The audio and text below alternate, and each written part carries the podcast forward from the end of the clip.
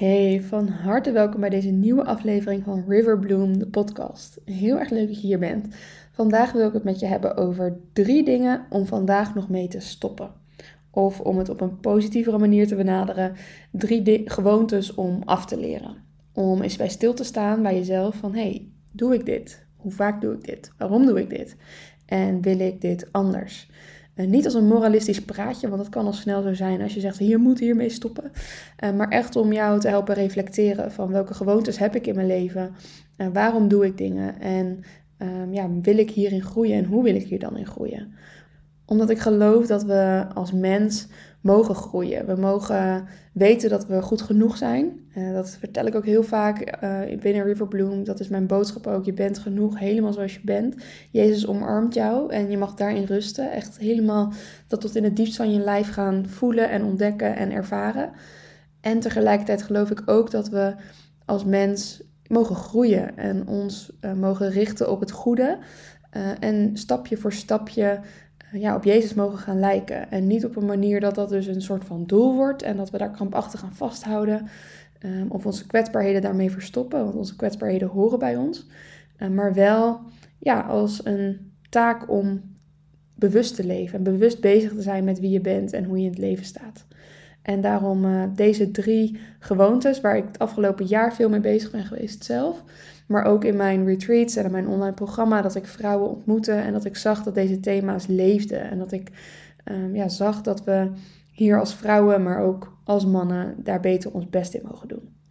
En de eerste van de drie dingen is vergelijken. Want dat is iets wat we allemaal doen.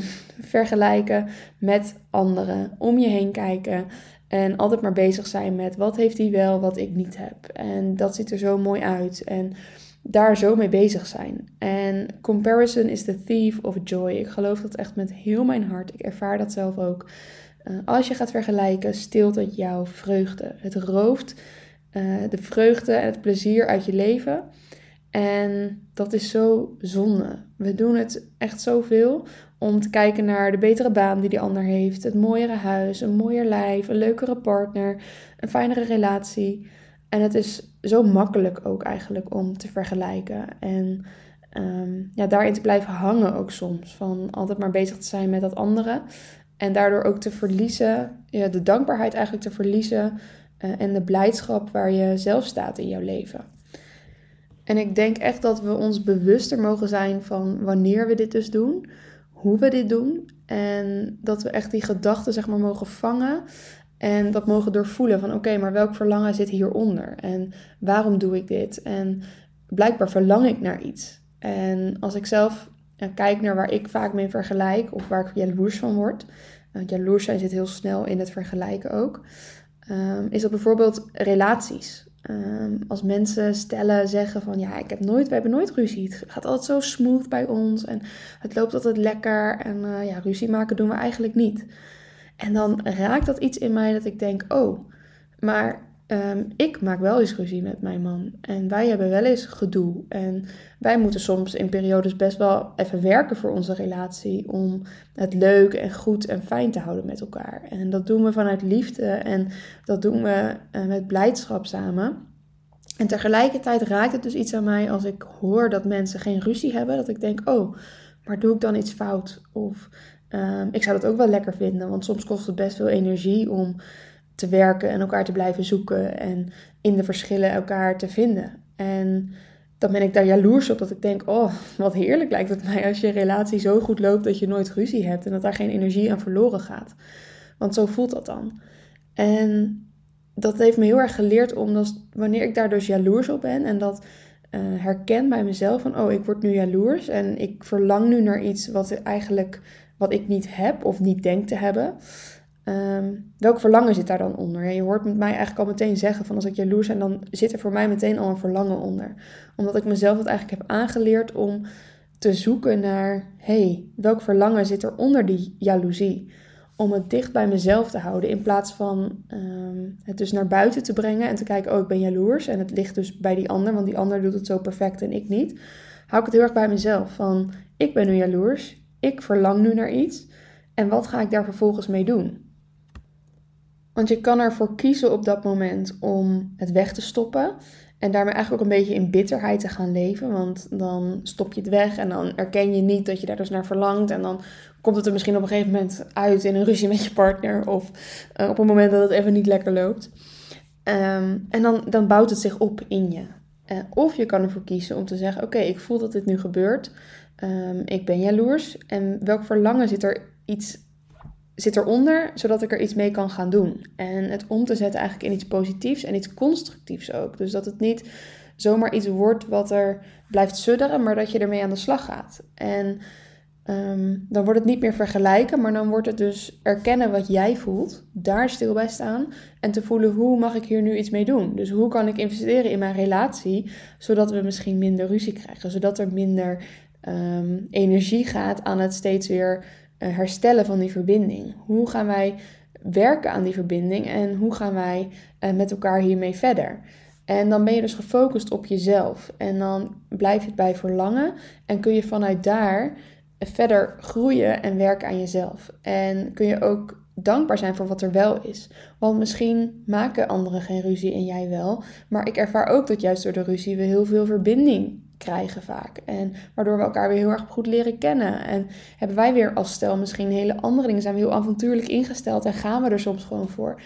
En als ik dan alleen maar focus op wat anderen hebben als stel en wat ik dus denk niet te hebben, dan verlies ik ook de dankbaarheid voor wat ik wel heb in mijn relatie. En dan ben je alleen maar aan het vergelijken. Ehm, en word je eigenlijk ook een beetje bitter en ondankbaar voor wat er niet is. Wat zo mooi is om te focussen op wat er wel is. En dat staat dus naast elkaar. Dankbaarheid voor wat er wel is. En tegelijkertijd ook voelen, hé, hey, wat mis ik? En hoe mag ik daar nog meer aan werken? Mag ik daar nog meer ruimte aan bieden? Dus vergelijken. Ik denk dat het heel goed is om daar uh, mee te stoppen, dat minder te doen. En tegelijkertijd dus te voelen als het er wel is. Hé, hey, waar komt dit vandaan? Wat zit eronder? En als je het al doet, vergelijken. Vergelijk jezelf met jezelf van een paar jaar geleden.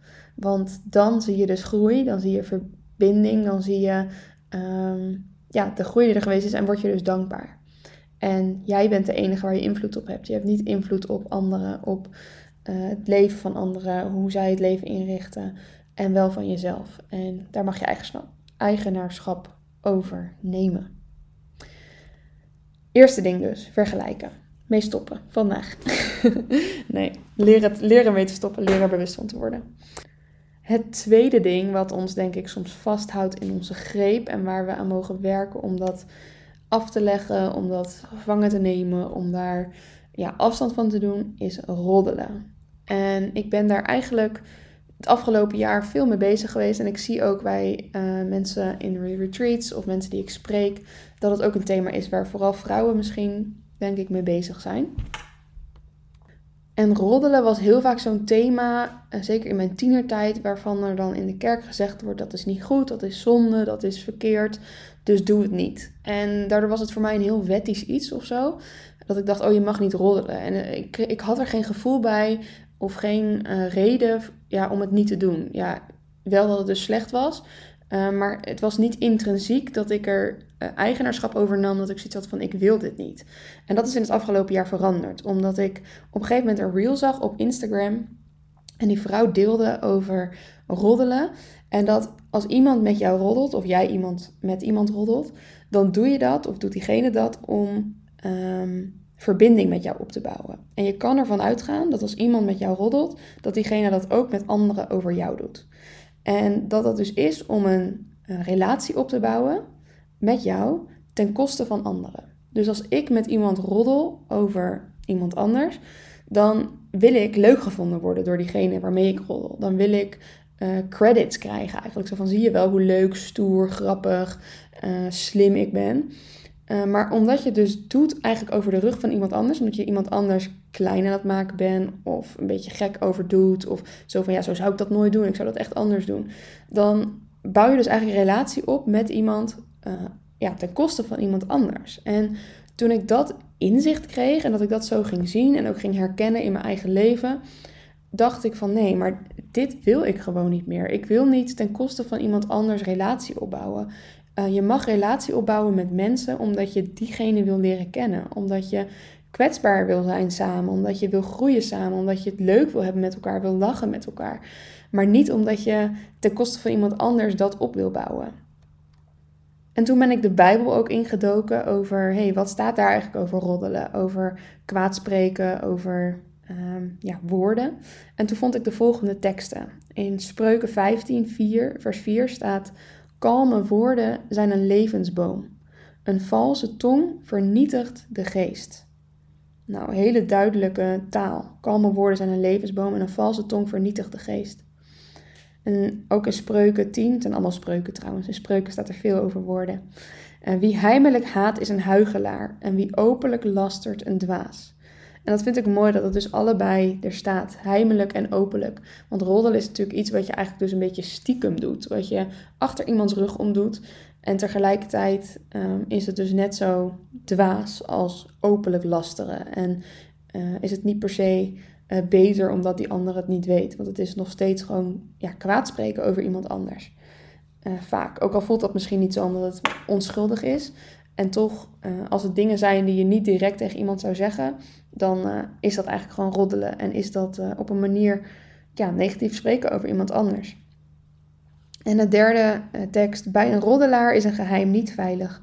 Wie betrouwbaar is, hult zich in zwijgen. Nou, ook hele Duidelijke taal, geheimen zijn niet veilig bij een roddelaar en je wil betrouwbaar zijn.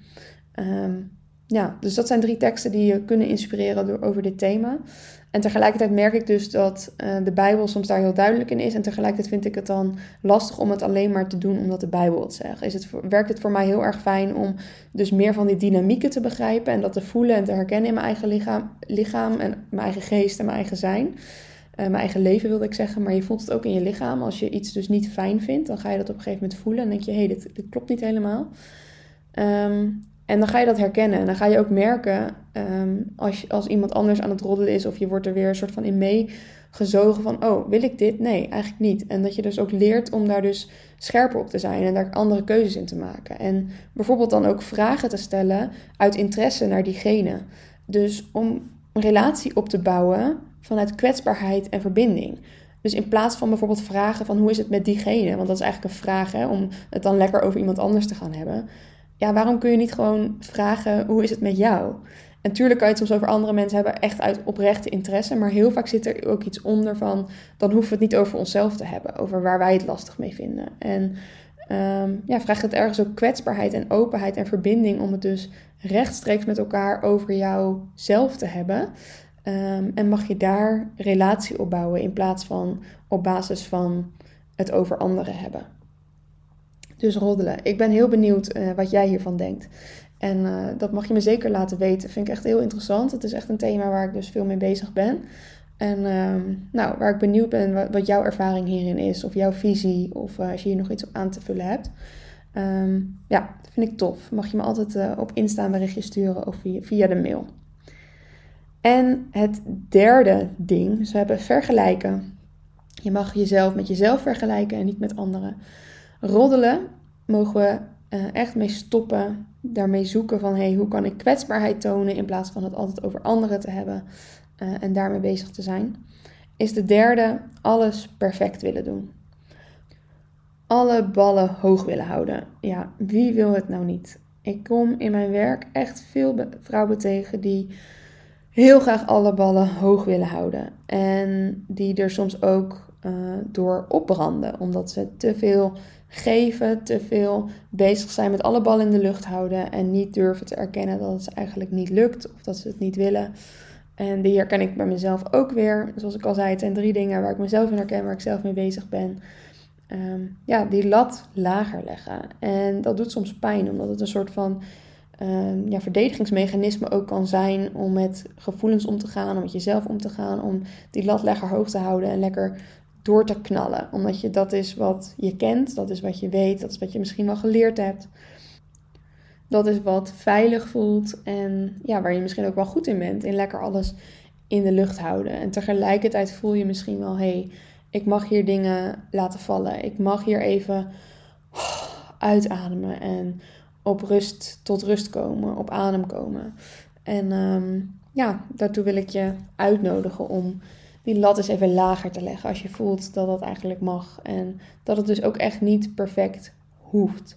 Je mag echt loslaten en eh, je mag leren en je mag fouten maken en opstaan en het hoeft niet perfect. En wat hier heel vaak ook onder zit is dat we dus ergens een soort van uh, schone schijn willen ophouden naar anderen toe. Of dat we het graag goed willen doen omdat uh, anderen vinden dat het zo hoort. En daarin ja, mag je dus ook dicht bij jezelf blijven van hey, hoe wil ik het eigenlijk? En wat is voor mij dus goed of perfect? Ja, perfect, het woord vind ik dan een beetje too much. Maar wat is voor mij goed? Hoe wil ik het doen? En in plaats van dat je dus maar alle ballen hoog houdt, omdat dat de manier is dat het zou moeten van mensen om je heen of de maatschappij. Of hey, voel eens en check in bij jezelf. Waar sta ik voor? Hoe wil ik het doen? Zodat je daarin ook regie neemt. In plaats van dat je maar door blijft rennen en alle ballen hoog houdt, dat je daarin echt voelt van dit is hoe ik het wil. En ik neem hier regie over. Ik ga ehm, nou, deze ballen vasthouden. Dit ga ik misschien af en toe laten vallen. Of dit probeer ik vast te houden, maar is het eerste wat ik laat vallen. En daarin dus ook regie te hebben. In plaats van maar een beetje zo als een gek uh, al die ballen zo omhoog uh, probeer te uh, gooien. Ik ben nu met mijn handen aan het zwaaien terwijl ik dit doe. Maar dat beeld heb ik, zie ik zo voor me. Van hey, heb ik controle over de ballen die ik vast heb? Of ben ik ze maar zo als een gek een beetje zo heen en weer. En ik ren en ik ren en ik spring weer naar die kant en weer naar die kant om die bal maar omhoog te houden. Nee, je mag dat vanuit rust en vanuit overgave doen. En vanuit dus ook een soort van controle en regie. Regie vind ik een mooi woord. Controle is al snel van, oh, ik moet overal weer controle over hebben. Maar dat jij de regie hebt en dat jij erachter staat en eronder staat. En die ballen te dragen hebt, zeg maar, omdat je dat wil. En dus niet alles dan perfect wil doen, of misschien wel hoge eisen aan jezelf stelt, maar daardoor ook weet: oké, maar dan mag ik daar minder hoge eisen, of dan laat ik dat vallen als ik hier hoge eisen aan stel. En dat mag je dus op een manier doen die bij jou past. En, en dat zou ik ook als afsluiter willen zeggen voor al deze drie dingen. Zoek daarin echt jouw weg met God. En het hoeft niet op de een of andere dag dat je dus zoiets helemaal afleert of nooit meer doet. Dat, dat is denk ik een illusie om dat al te denken. Uh, sommige dingen kan je misschien wel echt heel streng op zijn, uh, maar sommige dingen blijven ook deel van je en is moeilijker om af te leren. En tegelijkertijd kan zeggen van, oh dat hoort bij me, kan natuurlijk ook een excuus zijn om er dus niet naar te hoeven kijken en um, niet te hoeven groeien. Dus blijf daarin mild voor jezelf en tegelijkertijd daag jezelf ook uit. Probeer die balans daarin te vinden van, hey, um, ik ben mens en ik hoef het niet perfect te doen en tegelijkertijd ik wil groeien en hier ga ik aan werken. En zoek daarin wat voor jou op dit moment iets is waar je aan mag werken, waar je naar mag kijken, uh, wat je ook misschien bij God wil brengen. En daarin samen wil zoeken van oké, hier, hoe mag ik hier uh, nog meer in groeien? Mag ik hier nog meer in leren? En uh, nou, ik ben heel benieuwd wat jouw ervaring daarmee is en wat je gedachten zijn. En ik vind het zeker heel erg leuk om daar uh, met je verder over te kletsen. Hey, veel liefs en tot de volgende aflevering. Doeg doeg!